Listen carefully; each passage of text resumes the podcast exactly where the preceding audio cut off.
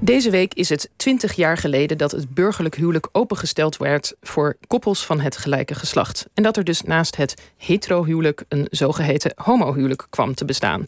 Een belangrijke mijlpaal in de strijd voor LHBT-rechten in Nederland en wereldwijd. En toch, niet iedereen uit de LHBT-gemeenschap was in der tijd voor het homohuwelijk. En misschien zelfs nog steeds niet. En twee van hen zijn vandaag te gast over hun ideeën over het homohuwelijk toen en nu. Willemien Ruigrok, in de jaren 80 en 90 actief bij COC. En schrijver Stefan Sanders, wiens essay over zijn visie op het homohuwelijk vorige week in Trouw stond. Welkom allebei. Uh, Willem, uh, Stefan, laten we bij jou beginnen. Je beschrijft in je essay dat je waarschijnlijk eind jaren 80 voor het eerst over het uh, homohuwelijk hoorde. Kan je nog terughalen, wat was toen jouw eerste reactie? Dat het krankzinnig was en dat het nergens goed voor was. En Kijk. waarom zou je dat in godsnaam willen? En, enzovoort, enzovoort. En wat een verburgerlijking. En hadden we niet wat beters te doen? Nou, dat soort dingen. Ja. ja. En, en hoe kwam je ermee in aanraking dan? Want als het burgerlijk is, dan kom je er niet zo mee in aanraking. Dus nee, hoe hoorde je ervan? Ik, ik, weet dat ik hoorde van via allerlei kanalen. Ik denk gewoon dat er iemand was in de gaykrant. Dat was een belangrijke krant toen voor bepaalde uh, burgerlijke homoseksuelen. Zo zag ik ze toen. Van Henk Krol. Uh, later Kamerlid. Uh, en en die, die promoten dat idee heel erg van het uh, zogenaamde homohuwelijk. En omdat dat natuurlijk al uit de verkeerde kant kwam... namelijk de gaykrant was een telegraafkrant, in mijn ogen... en heel veel ogen, kon het al niet deugen. Dus het was ook heel makkelijk om daar niet over na te denken... en daar meteen voluit tegen te zijn. Ja, nou goed, het was burgerlijk, dus het deugde niet. Ja. En, en, en Willemien, hoe was dat bij jou? Jij was in de jaren tachtig erg actief in de COC... Um, waar je inzette voor gelijke rechten van homo's en lesbo's. En jij was ook niet enthousiast over dat homohuwelijk. Hoe zat dat bij jou dan? Nee, helemaal niet. Eh, ik eh, was ook actief in de vrouwenbeweging. En in eh, de jaren tachtig waren we vanuit de vrouwenbeweging al heel erg bezig met het feit dat de overheid mensen als individu moest beschouwen en niet als de helft van een stel. En, want dat zie, je, dat zie je nog steeds overal terugkomen. Eh, bij de belasting, bij huurtoeslagen, bij kinderbijslagtoeslagen. Er wordt altijd gekeken naar uh, de samenlevingsvorm en dan niet naar het individu. Nou, dus daar waren we al heel erg mee bezig. Wij, wij zeiden ook van uh, maak van het huwelijk een feest, maar niet meer dan dat. En als mensen van gelijk geslacht wilden trouwen, kon dat in de tijd heel goed in de kerk.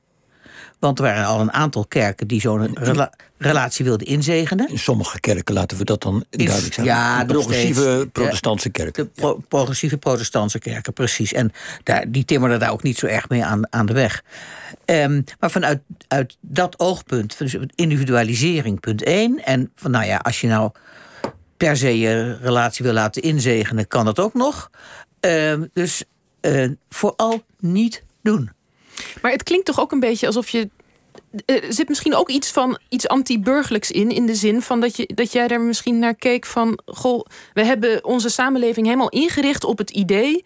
dat je bepaalde rechten krijgt. of bepaalde uh, diensten worden verleend. als je getrouwd bent. Als je, en, en jullie dachten dus niet van. nou, wij moeten ook toegang tot dat instituut. Je dacht dat instituut dat is fout. Het instituut het is fout. Het instituut uh, huwelijk moet je vooral afschaffen. Uh, en kijken naar, uh, nou, gewoon naar, naar mensen. Um, en ja, ik heb er niet zozeer een moreel oordeel over. Of dat nou, ik vind het, ik vind het wel burgerlijk, maar dat is, dat is eigenlijk niet zo relevant. Uh, ik heb er vooral praktische bezwaren tegen. Want als mensen gaan trouwen, wat voor een geslacht dan ook, dan denken ze dat ze eeuwig bij elkaar blijven. Ze houden van elkaar. Maar één op de drie huwelijken in Nederland loopt stuk. En eh, als je dan eh, uit elkaar gaat, uh, dan heb je misschien onderling wel afgesproken van, nou, wij gaan, wij gaan niet voor elkaar alimentatie betalen. Maar komt een van de twee ex-partners bijvoorbeeld in de bijstand, dan zegt de overheid: ja, hallo, alimentatie graag. Dus je denkt een contract met z'n tweeën te sluiten, maar je sluit een contract met daarbij de overheid. Ja, een derde door, partner. Maar, ja. maar hoor ik je nou eigenlijk zeggen eh, dat homohuwelijk, of zo mogen we het eigenlijk officieel niet noemen, maar dat huwelijk openstellen voor homo's en burgerhuwelijk, dan ga je homo's dwingen in de val van de burgerlijke eh, verdruk, onderdrukking en verleiding uh, te trappen. Niet doen, dat zit eigenlijk onze emancipatie als mens en als homo in de weg. Zit dat erachter uh, ook, Stefan, denk je? Ja, ik, ik, vind dat inmiddels helemaal niet meer. Nee, maar toen. Ik, hoor, ik luister naar Willemien en ik denk, ja, zo sprak ik nou niet zo legalistisch. Je hebt het heel legalistisch uitgelegd. Ik was er gewoon helemaal principieel patsboom tegen, zonder er heel veel van af te weten. Ja, nee, gewoon zomaar. maar wat natuurlijk het aardige is, uh, dat het uh, voor heel veel homoseksuelen en heel veel lesbo's, juist het feit dat je heel veel romslom krijgt als je weer uit elkaar wil gaan, betekent ook dat zo'n verbindenis heel echt is. Hoe ging dat vroeger? Vroeger ging het zo dat je dan met je vriendje ruzie kreeg of met je vriendinnetje en dan gooide je een fles wijn kapot op de uh, keukendeur en dan was het uit. Nu was het inderdaad echt zo dat je van allerlei moest doen. Misschien ook nog wel verplichtingen aan elkaar had. Dus kortom, het was een echt huwelijk. Je kon ook weer echt uit elkaar. Je kon ook scheiden. Ik vind dat een groot voordeel van het huwelijk. Je bent eigenlijk ook voorstander van de homoscheiding, wat dat betreft. Oh ja, zeker. Als ik bedoel, dat gebeurt natuurlijk ook. Er zijn heel veel homo's en lesbo's die toch weer, of weet niet hoeveel het er zijn... maar die weer uit elkaar gaan. Maar vergeet nooit dat in die hele, ja, een beetje wegwerpachtige samenleving waarin wij homo's en lesbo's toen leefden... en waarin alleen de persoonlijke relaties stelden... dus de, de, relaties die je aanging... die eigenlijk door niemand als zodanig werden erkend... dat dat eigenlijk een voorsprong was. Dat, je Maar- dat, maar- dat het echt werd. Maar Stefan, dat zeg je nu. Ja. En hoeveel jaar later ben je tot dit inzicht gekomen?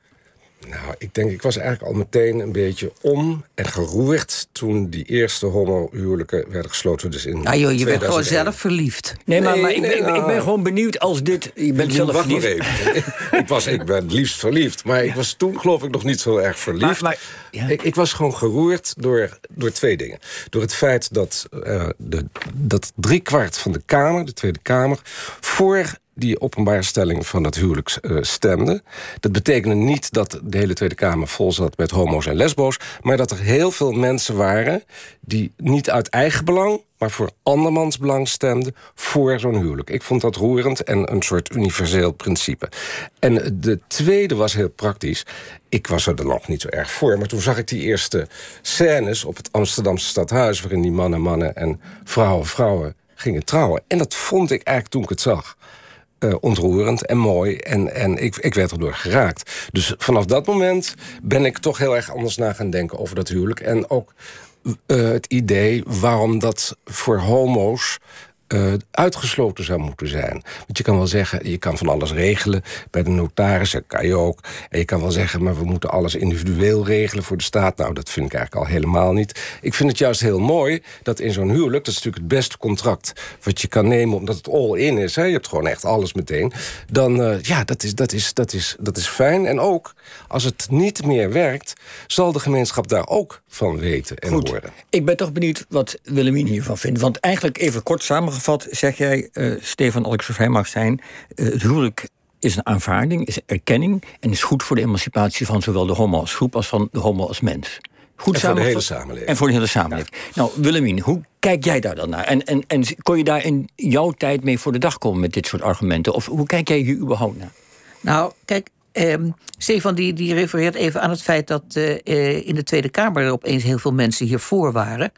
En dan denk ik van nou, ik had ze liever eh, gehad dat ze voor een algemene wet gelijke behandeling zonder uitzonderingen zouden zijn. En dat is misschien wel, wel weer een beetje ju- juridisch bekeken, maar het, heeft tot voor een paar jaar geduurd. dat als iemand homoseksueel is en op een christelijke school wil werken, dat er problemen kan verwachten. Nou, eh, Dat je ontslagen kan worden dat als je docent. of niet aangenomen of ontslagen kan worden. Kijk, dat, dat vind ik dan toch eventjes belangrijker eh, dan ehm, ja, zo'n. Ik ben het met je eens, Stefan, dat het een heel mooi gezicht is als twee mensen elkaar eh, in front of iedereen en, en de camera's en alle buitenlandse camera's het ja-woord geven en een zoen op de lippen drukken. Eh, Natuurlijk is dat mooi, wit- prins op het witte paard, maar eh, hoe lang duurt het? Maar wat ik niet begrijp is, je- ik, ik, zonder de- die weg per se op te willen gaan... je zegt, ik had liever gehad dat ze die wet algemene eh, eh, gelijke behandeling, et cetera... hadden gecreëerd en het door de Kamer hadden eh, goedgekeurd. Ja. Dat zal ongetwijfeld uh, terecht zijn wat je punt is. Maar dat doet toch niks af aan. Ik wil gewoon ben benieuwd dat homohuwelijk. Ben je daar nou, vind je het een, een zegen of zeg je, of vind je het alleen mooi? Dat je zegt, het ontroert me ook wel, maar eigenlijk is het niet goed. Het is eigenlijk niet goed. Want? nou, wat ik daarnet zei, je denkt een contract met z'n tweeën te sluiten, maar de overheid heeft zijn voet ertussen. Dat, dat is één.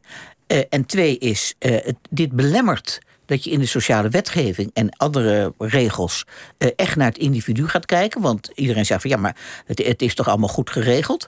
Dus het, het helpt je eerder achterop dan vooruit. Ik ontken niet dat het een uh, emancipatorische werking heeft gehad. Want uh, heel veel mensen konden dit aangrijpen om nu tegen bijvoorbeeld hun ouders te zeggen: van nou, de overheid vindt het zelfs goed dat we gaan trouwen, dus jij hoeft niet meer te zeuren. Uh, van dat het uh, zondag of wat dan ook is. Uh, dat, dat snap ik wel, die, dat dat allemaal gebeurde. En prima, maar dat maakt de regeling nog niet goed. Ja, jij zegt ook wel iets interessants met dat je het over die docenten hebt, die christelijke docenten of, of, homoseksuele docenten op christelijke scholen.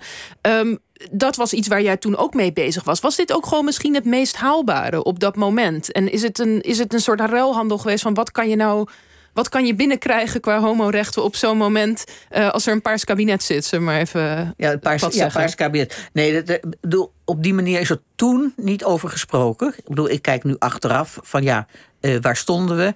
En uh, hoe snel ging de verandering in wet en regelgeving? en op basis van welke argumenten en met behulp van welke Tweede Kamerfracties. Ja. Want het, het CDA bleef moeilijk doen. Ik ben ook nog wel benieuwd hoe hoe uh, stonden jullie alleen in jullie sceptisch? Of waren er heel veel mensen om jullie heen die er hetzelfde over dachten? Hoe was dat, Steven? Nee hoor, we stonden daar zeker niet alleen in. Zeker uh, wat radicalere homobewegingen of lesbo-bewegingen. Uh, die waren er eigenlijk zo gemakzuchtig een beetje tegen. Ik wil overigens nog wel zeggen dat het toch een beetje een eigenaardige redenatie is van Willemien. Dat zodra hetero's gaan trouwen, is er niemand die zegt: ja, maar daarmee is het milieuprobleem helemaal niet opgelost. Dat is niemand die dat zegt.